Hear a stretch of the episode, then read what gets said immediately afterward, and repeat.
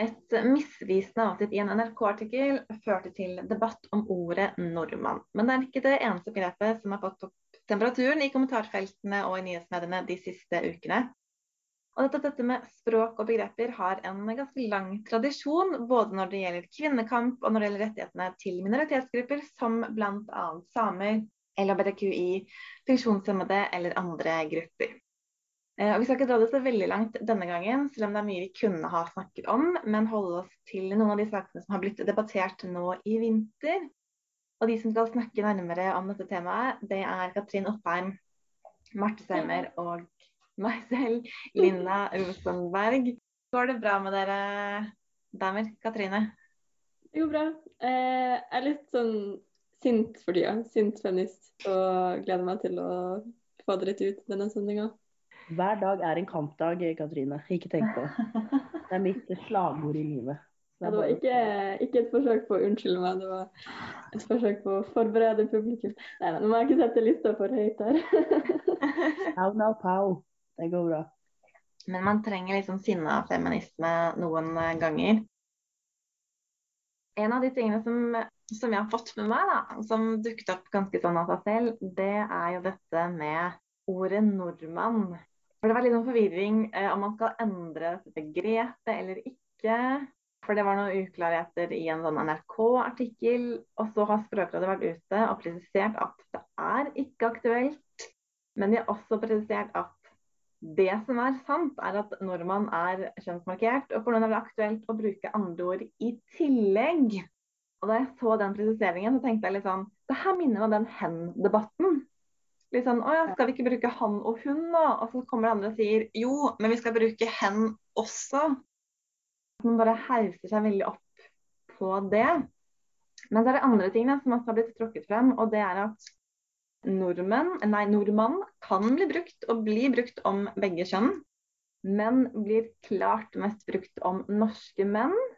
Sjeldnere om norske kvinner, som heller, i hvert fall når det gjelder i medier og i litteraturen, blir omtalt som norske kvinner.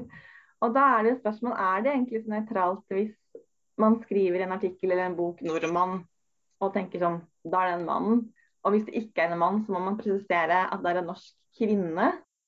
Som jeg syns egentlig var det ganske interessant sånn by the way, liksom. Det er kanskje ikke så brukt så nøytralt som man vil at det skal være. Ja, som de fleste vil jo ikke si sånn nordmann Erna Solberg, men Erna Solberg er en norsk person, eller kvinne. Ja. Og det som eh, jeg syns var rart, var på en måte at man eh, hadde jo en NRK skrev jo på nettsida forsida si at eh, Språkrådet ville vrake ordet nordmann. Og som liksom førte til veldig veldig mye hissige kommentarer i kommentarfeltet. Sånn. Men problemet var jo sånn OK, de hadde alltid sagt det. Men Og så ble det liksom bare større og større, da. fordi Abid Raja gikk ut og sa at regjeringa syntes at det var helt uaktuelt å skrote ordet nordmann. Og til slutt så sa Erna Solberg at hun som kvinne syntes det var helt greit å bli kalt nordmann. Og det er litt sånn Hvis man ikke har fulgt med på hen-debatten alt det siste året, så virker det helt absurd hvorfor det blir til en så stor sak, da. Når man faktisk aldri har ment at det skal bli forbudt å si ordet nordmann. Jeg så, fordi Språkrådet får jo veldig mange spørsmål eh, om det meste. Og en del av de blir lagt ut på deres nettsider. Eh, og Der har de bl.a. lagt ut et spørsmål må jeg som kvinne kalle meg nordmann, eller kan jeg bruke nordkvinne i stedet? Og da svarer altså Språkrådet betydningen av sammensette ord er ikke alltid summen av delene. Nordmann kan brukes om alle kjønn, men ingen kan nekte deg å skrive nordkvinne. Bare vær klar over at det kan virke litt påfallende. Dette ordet er noe brukt, men ikke så vi kan si at det er etablert i norsk allmennspråk. Man kan helt legitimt kalle seg nordkvinne istedenfor. Og jeg synes det, Da blir jeg litt sånn Kanskje jeg det, skal gjøre det bare på trass? Ja, men liksom, da tar du et politisk standpunkt en gang. fordi det å være kvinne, det er politisk, og det å være mann, det er nøytralt. Og så er det jo litt sånn Ja, men eh, mann i vikingtiden betydde jo menneske. Og da må vi bare presisere én ting. Det er helt riktig, men eh, de skilte mellom Altså på moderne norsk, da. Karlmann og kvinne... Nei, karlmennesker og kvinnemennesker. Så mann, mennesker, altså mannemennesker og kvinnemennesker, egentlig da, som man ville sagt i dag. Frem til sånn tidlig 1200-tallet.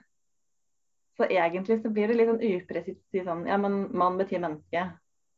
Og så er det med at ja, det betydde det da, men vi vet jo at ord skifter mening og betydning og bruk hele tiden, egentlig. Ja, men da, da kan jeg også bli litt sånn Da kan jeg bli litt sånn hissig type. For det er sånn Ja ja, OK, kanskje det betydde det i vikingtiden. Men eh, nå lever vi i 2021. Det er liksom De gjorde mye rart i vikingtiden som vi har slutta med. Akkurat. Så vær så vennlig, du lille venn. Da blir jeg sånn, altså. Du går rett på lille venn. ok? Ja, da kjenner jeg at jeg blir sånn OK, men eh, de ofret også dyr ved alteret. Ifølge TV-serien Vikings. Jeg vet ikke hvor historisk korrekt den er, men det er sånn Ja, det er mange ting man har gjort før, og f.eks. selv om man eh, Jeg bruker også ordet mann i oppgaver eller når jeg snakker med én n, dog, det må jo presiseres. Eh, men det at noe har blitt gjort før, på en måte legitimerer ikke Eller sånn, det betyr ikke at man ikke kan forandre på det. På en måte. Mener jeg, da. Ja. Helene Uri, som er forfatter og språkviter, hun har jo eh, uttalt seg Eller ja, hun har blitt spurt og har valgt å uttale seg om det her som, eh, som språkviter. Og hun har vel både poengtert at kanskje så bruker man ikke ordet nordmann om 100 år, men tiden vil vise på en måte. Det er sånn det er å leve i et språksamfunn. Men hun også har trukket inn dette med debatten som oppsto da man ville bort fra talsmannbegrepet. eh, Og ville begynne å bruke talsperson eller talskvinne. Hvordan det ble liksom latterliggjort av alle. Fordi talsmann var liksom Alle kunne bruke det, liksom. Og nå er det helt naturlig for alle, vil jeg påstå, da, å bruke talsmann, talskvinne eller talsperson alt ettersom hvem som skal snakke og ja, hva som egner seg i situasjonen. Mm. ja, og eh, da partiformannen ble endra til partileder, f.eks. Og nå, altså med mine ører så høres det utrolig avleggs å si ja, formann eller forkvinne i den sammenhengen. Men eh, slik var det en gang. Nei, men eh, det er jo på flere områder i samfunnet at eh, ting er i forandring, og jeg ser det som kjærkomment at eh, ting blir litt mer eh, kjønnssentralt både for eh, feminismen eh, sin skyld og for eh, skylda Eller ikke for skylda, men for, fordi det hjelper alle de som ikke finner seg til rette da, i kvinne- eller mann-begrepet. Og nå nylig så har det vært utreda forslag til ny barnelov, eh, der man har lagt vekt på at loven burde, eller må være kjønnsnøytral for å omfavne alle da, som eh, føder barn eller lager barn sammen med en som føder barn. Og det altså skapte helt ramaskrik i eh, Nord-Norges største avis, Nordlys. Da var det en kommentator som hadde overskrifta 'Hvem blir krenka av ordet mor?' Og gikk liksom hardt ut med påstanden av at liksom Ja, nå skal, nå skal man slutte å si ordet mor, da. Nå har liksom nå har man fått altfor frie tøyler her, det her er ikke det folk flest mener, og bla, bla, bla. Men problemet var bare at Jo, og så sa hun at i stedet for ordet mor, da, så må man bruke fødeforelder.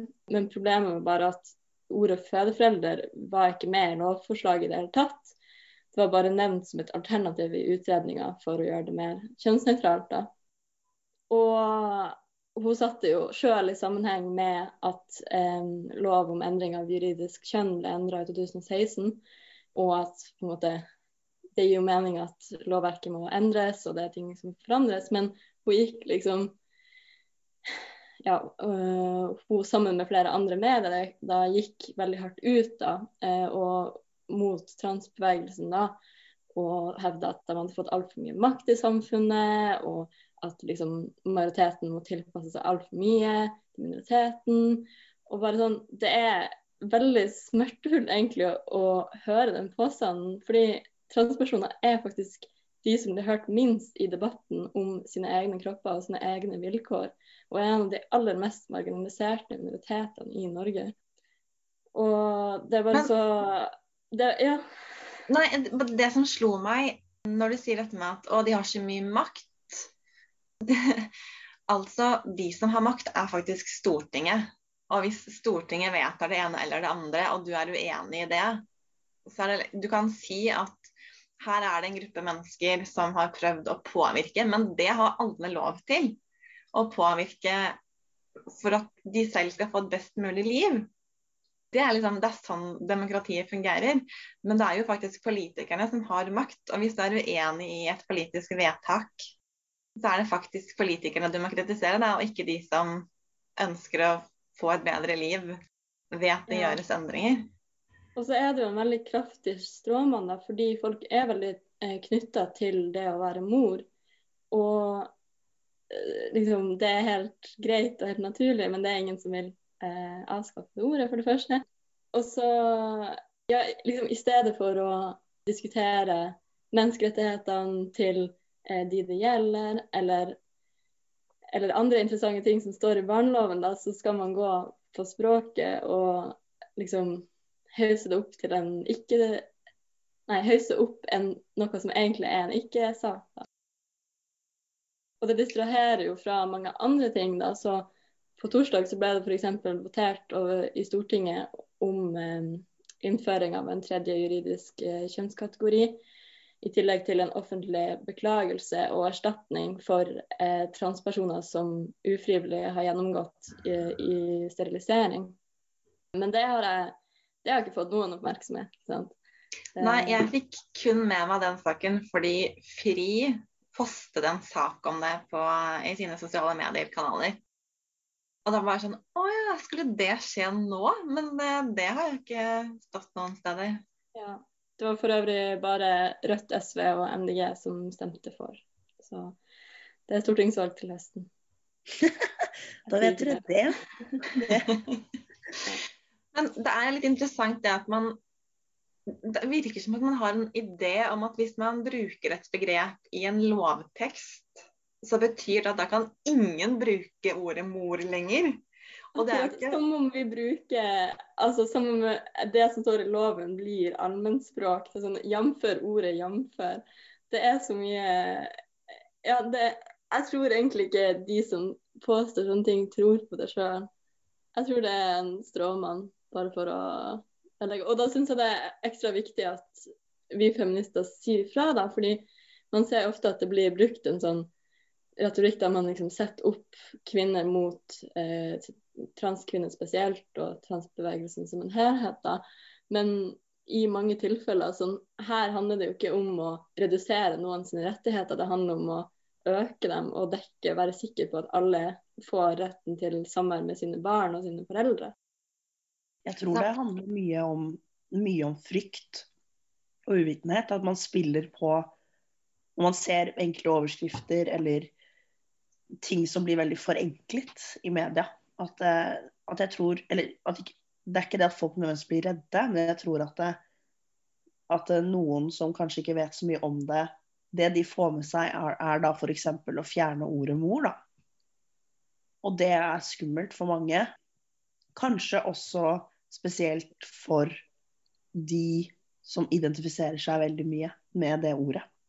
Og den tittelen det er, på en måte, eh, når man får et barn. Og jeg tror det er det også som gjør det veldig vanskelig, at det spiller på følelser som er veldig nær knyttet til eh, mange. Ja, jeg tror det også er en del av det store bildet. Men da skulle jeg ønske at de journalistene som velger å, å lage en sak om det her, faktisk tar seg tiden til å gå inn og se hva er egentlig faktaene her. Og legge det frem på en presis måte, forklare det godt nok. Eh, slik at når man får en debatt, så er liksom premisset åpenbart og tydelig, og alle vet liksom eh, grunnlaget, da. For da Mm. blir det litt sånn Å nei, nå skal, vi ikke, nå skal det ikke hete mor lenger. Og så får man jo akkurat den responsen som du egentlig Ja, beskriver, jeg tror- Marte.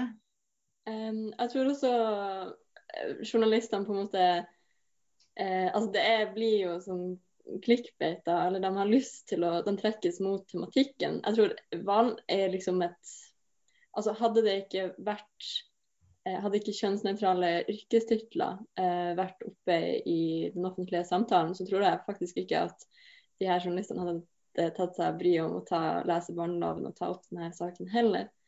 Men så blir det liksom en sånn stor smørje av eh, nå går det her for langt, kjønnsnøytralitet er ja, Eller det er ikke alle som er helt med på den, og det tror jeg også er fordi det kanskje ikke har vært begrunna godt nok i den offentlige diskursen.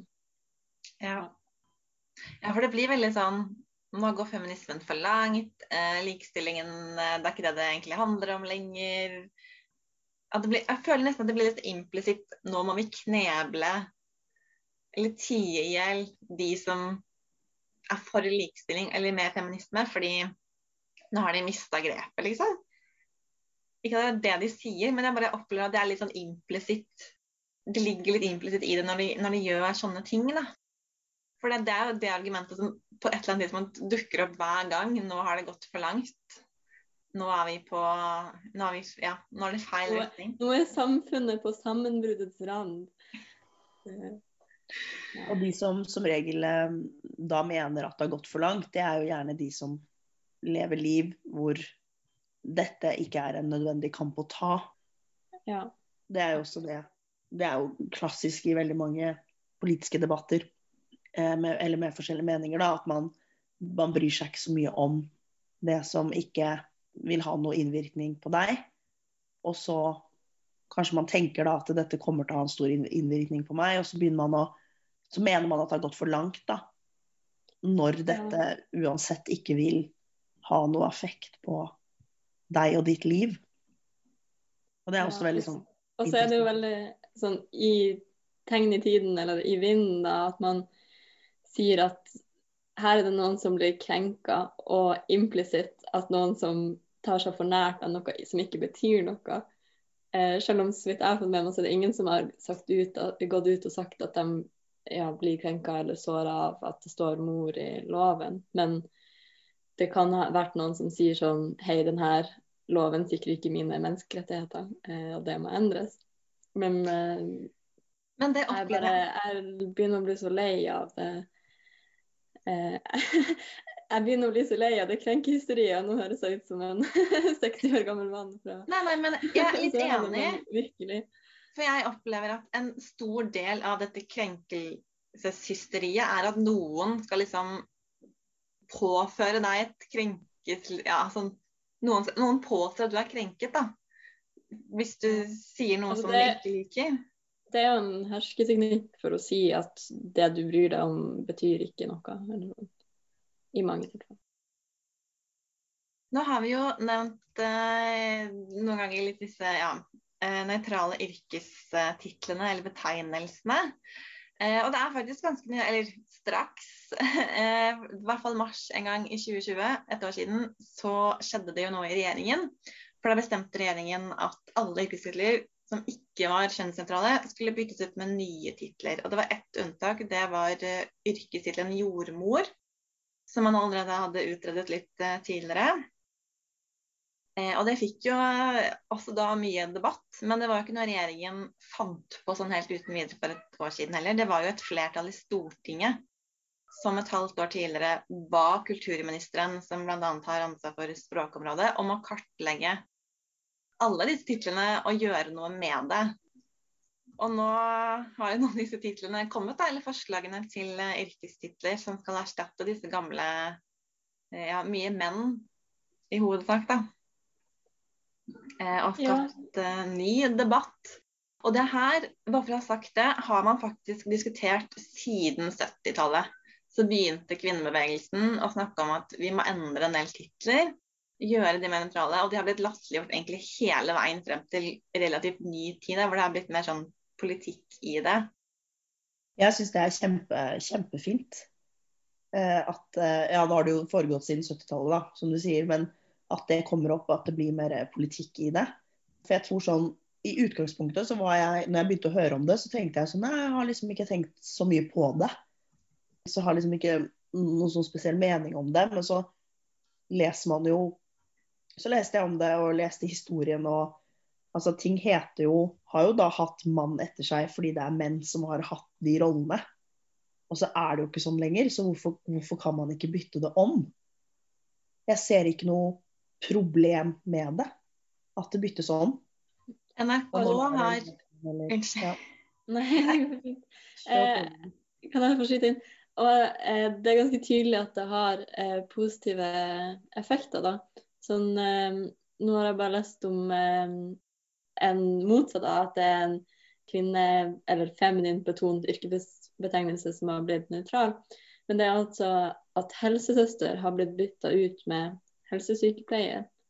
Og da har altså søketallet man, Antallet mannlige søkere har blitt tredobla. Eh, fordi menn kanskje ikke har lyst til å være helsesøstre, men helsesykepleiere.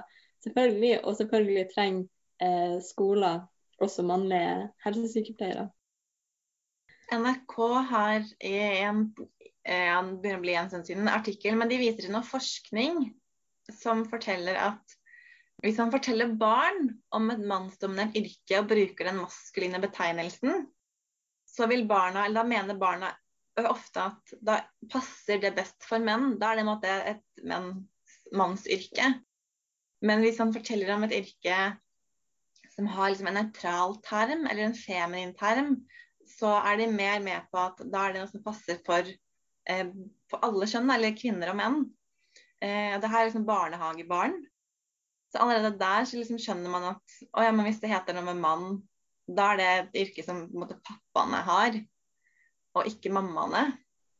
Eh, så det har jo åpenbart noe å si. Vi har et enormt sånn, kjønnsdelt arbeidsmarked i Norge.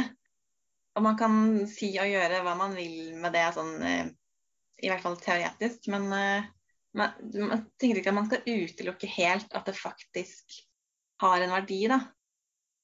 Mm. Hva er det som er det nye, eller hva er det de har tenkt på når det gjelder jordmor? Vet du det? Altså, det har blitt utredet før om man kunne finne liksom en ny nøytral betegnelse.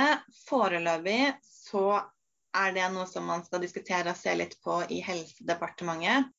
Men det man fant ut i forrige runde, er at det her begrepet kommer fra da man fødte på jordgulv. Så det betyr egentlig fra jord til mor. Det har ingenting med det som tar imot barna å gjøre. Nei. Nei. Spennende. Så sånn sett så er jeg jo egentlig litt sånn for jordmor. Men så er det noe med at så lenge man ikke vet Folk flest vet jo ikke eh, bakgrunnen. Og da forsvinner kanskje litt av poenget også. Men en annen ting, for en av de første episodene vi hadde med et eget rom, så hadde vi besøk av en kvinne som jobber i et brannkorps. Og da poengterte hun at veldig mange tror at det heter brannmann, men det heter det ikke. Det heter faktisk brannkonstabel, og det har det gjort siden 1980-tallet. Oi. Oi, så hvis man er brannmann, så er man egentlig brannkonstabel? Ja, altså på fagspråket så er du en brannkonstabel. Brannmann er et folkelig begrep som man ikke bruker som en faktisk yrkestittel. Men som bare Der henger liksom folket etter det. Man har ikke eh, tatt opp akkurat den. For den er faktisk en eh, yrkes... Nei, kjønnsnøytral tittel. Ja. Jeg, prøvde, ja, for jeg tenkte på brannmann i stad, faktisk. For jeg var sånn Hæ, hva skulle, hva skulle en, eh, en um, tittel bli for da eventuelt brannmenn? Men da har vi jo det allerede. Mm. Da er det jo faktisk brannkonstabel. Jeg syns um, sysselmannen på Svalbard har jo blitt til uh, sysselmester. Og det er for øvrig en kvinne nå, tror jeg. Uh, og jeg syns uh, sysselmester høres så mye kulere ut enn Ja. Jeg vet jo at eh, det var mye av debatten rundt, og det syns jeg var veldig interessant, at mye av debatten rundt når det ble helsesykepleier, det handlet ikke om konseptet at de tok bort søster, men at de kom inn med sykepleier. Fordi det er så mange som har jobbet så lenge for at barn skal tørre i det hele tatt å gå til det som da var helsesøster, da, for å snakke om ting. Men med at det ble helsesykepleier, at de var redde for at det skulle også gi et eh, liksom vise til barna at du er syk. Det er derfor du går til helsesykepleier. Men så liksom at det ble sånn Oi, du har problemer hjemme. At, eller du kanskje blir utsatt for overgrep, eller du har spiseforstyrrelser, eller bare har det vondt. At da er du syk. Eller det er noe som er sykt med det. Og at du da går til en helsesykepleier. Eh, og det syns jeg også er veldig interessant. At man tror man også må huske i den debatten at man kan godt komme med kjønnsnøytrale titler, og det mener jeg selv er veldig viktig. Men passe på hvilke titler man da tar inn. At det er veldig bra at man har blitt helsesykepleier, men hva kan det at det er sykepleier gjenspeile til barna, da? At det, noen har ment sånn OK, kanskje det burde vært helse, helseperson istedenfor, da. Så det er jo en annen debatt. Men jeg også syns det er veldig interessant. Mm.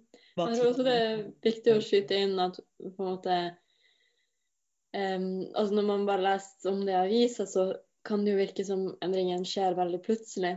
Men de, her, de, her, tingene er jo Man går jo i dialog med eh, fagforeningen og arbeidslivsorganisasjonene og alt det her. Og det er jo mange av de her tingene har jo vært utreda i mange år. Eh, så forhåpentligvis så finner man fram til gode nye begreper. Og... Ja, det skjer jo ikke over natta. Nei. Men hva er det Du sa at det, på Svalbard så var det syssel... Nei, hva var det det var? Mester Sysselmester. Sysselmester. For de har jo snakket om det Det er noen andre, og nå husker jeg det ikke, det er veldig dumt egentlig, men det er jo andre begreper innenfor politikken hvor de har byttet hvor da andre hm? Fortsett. Unnskyld. Men nå husker jeg jo ikke begrepene, så det er jo veldig okay. dårlig. Men i hvert fall Ordet mester har jo en parallell i politimester, ja. så det er jo ikke tatt ut av lufta. Men det er vel, skal vi se eh, Rådmann ja. har man jo foreslått allerede i 2018 at det skulle bli kommunedirektør. Da var det bare et, en anbefaling, et påbud. Nå skal vel jeg vet ikke om det skal det bli kommune... Det skal i hvert fall ikke hete rådmann, da. Og det man har snakket om før, i hvert fall har vært kommunedirektør. Og da, for nå tre år siden, så gjorde Kommunal Rapport eh, en spørreundersøkelse blant lokalpolitikerne. Og da var det 53% som var negative til at det skulle hete kommunedirektør og ikke rådmann. Og det var ganske mange rådmenn også som var negative til det her. Eh, og da var det en reaksjon som kom frem i den undersøkelsen, var at dette er meningsløst eh, språklig jåleri som på ingen måte gagner lokalstyret. Men så var det en annen som var rådmann, da, som skrev Jeg har gjennom årene fått mange spørsmål om hva tittelen betyr, hva en rådmann gjør, og hvor han er plassert i hierarkiet. Kommunaldirektør vil etter min mening være en mye bedre og dekkende tittel. Implisitt at dette vil folk faktisk forstå noe av. Og det er jo synes jeg er et ganske godt poeng. at Bare fordi at det har hett noe i 100 år, så betyr jo ikke det at folk flest egentlig vet hva tittelen innebærer. Selv om man har hørt den hele livet. Mm. Ja. Var det noe som Men jeg tror det, det Vi var inne på det i stad, eh, som Jeg tror Marte snakka om det, at liksom ja, det med at um, brannmann har vært så uh, innøvd, eller vi har vært så vant med å si det, at på en måte altså språk, altså Språkrådet vet jo at det er veldig vanskelig å kontrollere språket. da.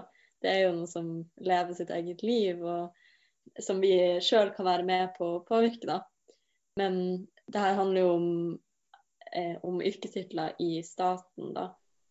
Så forhåpentligvis så sånn Jeg skulle jo ønske at ting skjedde litt uh, raskere, men uh, jeg tror uh, når på en måte hypen får lagt seg litt, så blir man jo begrepene mer og mer innarbeida etter hvert som tida går, da.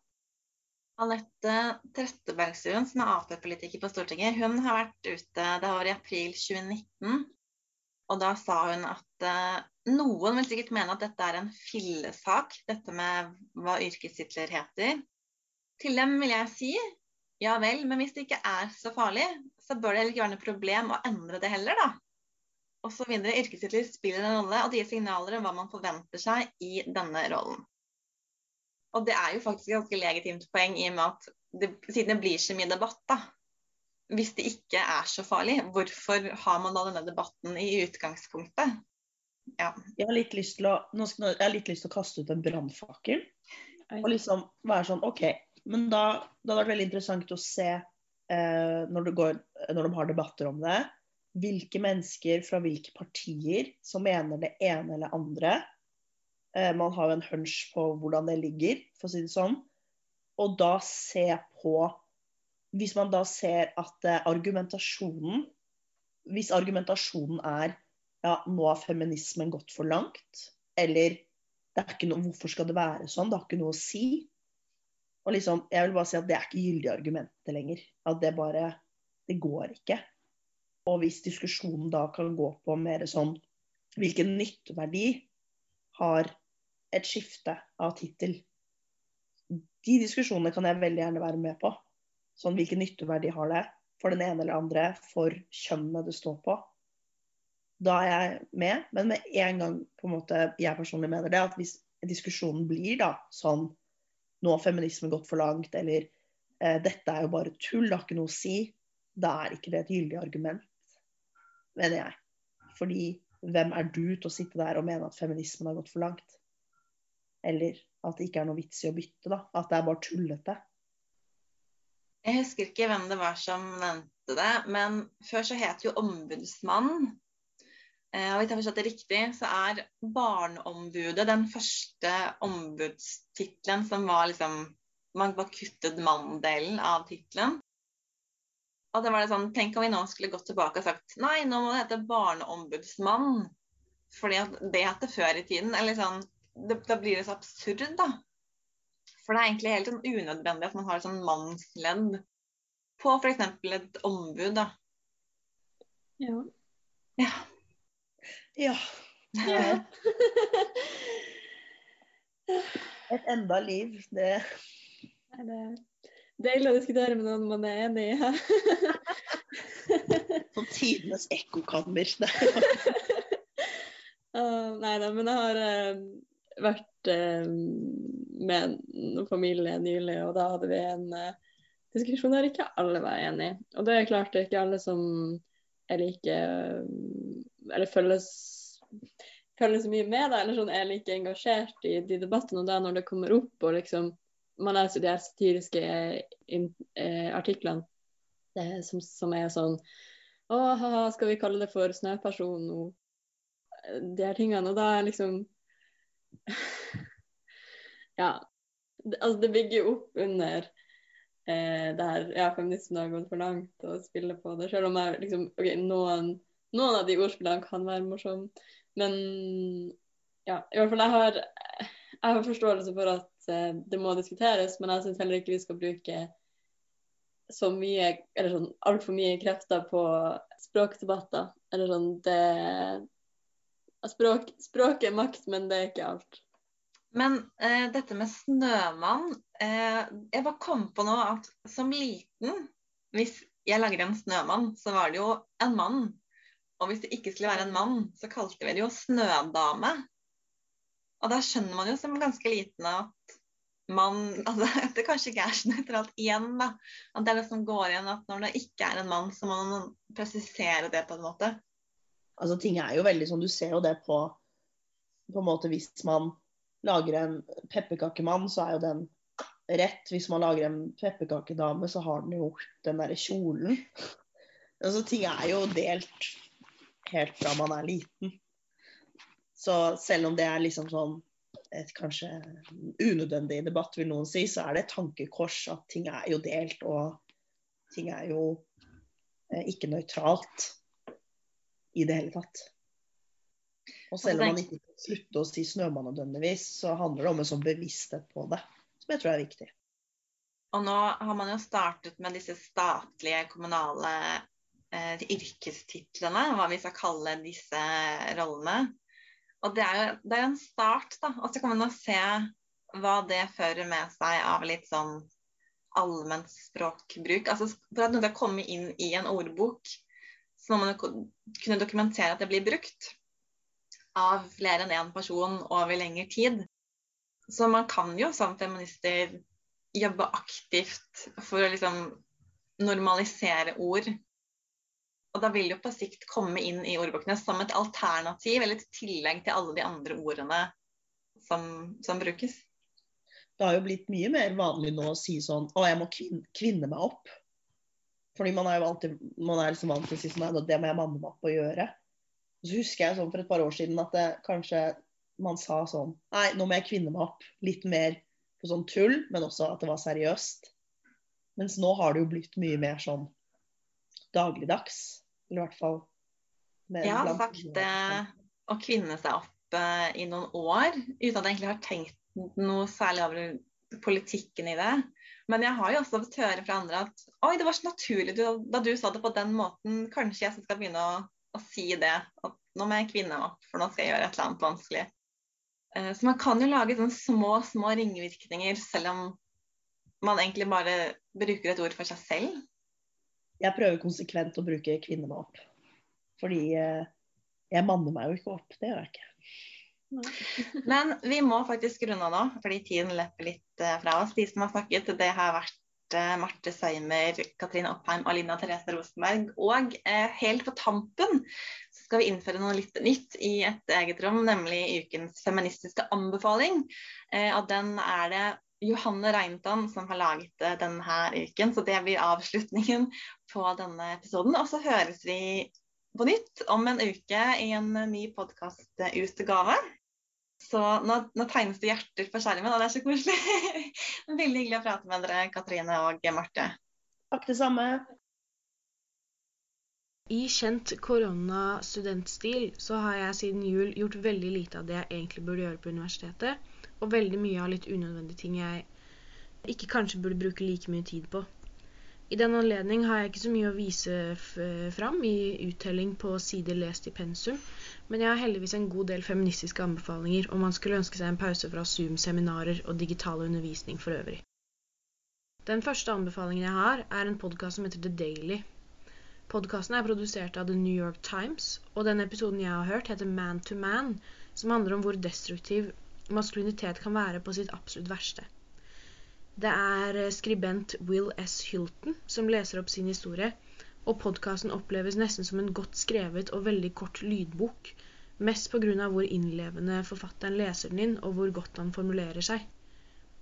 Hilton forteller her sin historie om hvordan han, tilsynelatende helt ut av det blå, ble angrepet og nesten drept av sin beste barndomsvenn og fetter. Sakte, men sikkert får man vite hele historien, og fortelleren gjenforteller med skråblikk hvordan han føler at maskuliniteten og mannsrollen generelt har vært en slags negativ kraft i hans liv og i andre menns liv for øvrig. Hvis man har en og en halv time til overs, så er det virkelig noe jeg anbefaler på det sterkeste å lytte til. Jeg har en uh, tendens til å falle ned i diverse YouTube-hull med varierende grad av konstruktivt innhold. Men min nyeste favorittkanal er derimot noe jeg kan anbefale videre. Det er en eh, kanal som heter ContraPoints, som styres av den amerikanske transkvinnen Natalie Wynn. Videoene fungerer nesten litt som stiliserte videoessayer, og Wynn tar i den anledning for seg store og omfattende temaer som kjønn, nasjonalitet, transaktivisme og klasse, og lager underholdende, men nyanserte framstillinger av store og komplekse temaer. Det som slo meg som så ekstremt imponerende første gang jeg så videoen hennes, var at hun har en evne til å både være nyansert og balansert, til tross for at hun tar et tydelig standpunkt, noe jeg føler er en ekstremt sjelden ting å få til å gjøre på en god måte. I tillegg til dette er videoene utrolig tilfredsstillende å se på, sånn rent estetisk. Wynn bruker ulike cinematiske grep for å få fram poengene sine, og kostymebruken, lyset og den generelle stemningen er ekstremt godt gjennomført og godt laget. Spesielt vil jeg nok anbefale videoen som heter Shame, eller Skam på norsk, som handler om det som på engelsk kaller, eh, ofte kalles compulsory heterosexuality, eller comphet, som forkortelsen tilsier. Her beskriver Wynn det som mange andre skeive kvinner kan føle på, nemlig at det kan være vanskelig å anerkjenne og forstå de romantiske og seksuelle følelsene man har til kvinner i en heteronormativ verden som verken anerkjenner eller respekterer dette perspektivet til eh, noe særlig grad. Hun problematiserer rundt det at pleier ikke alle egentlig å synes at kvinner er tiltrekkende, f.eks., og er ikke vanligvis kvinnelige relasjoner tette og intime? Og hva er det som gjør romantiske relasjoner med andre damer annerledes enn en et vanlig vennskap? Videre kan jeg anbefale videoen som heter Opulence, som i seg selv har en ekstremt imponerende scenografi, der eh, har leid seg inn på et museum, der hun prater om klassespørsmål i Amerika, om blind, bling og LHBTQ pluss-bevegelsen, om stil og klasse og dekadens og alle de interseksjonelle konseptene som dette beveger seg innom. Med en god dose humor og masse research blir videoene naturligvis ganske lange, men det er absolutt verdt å få med seg til tross.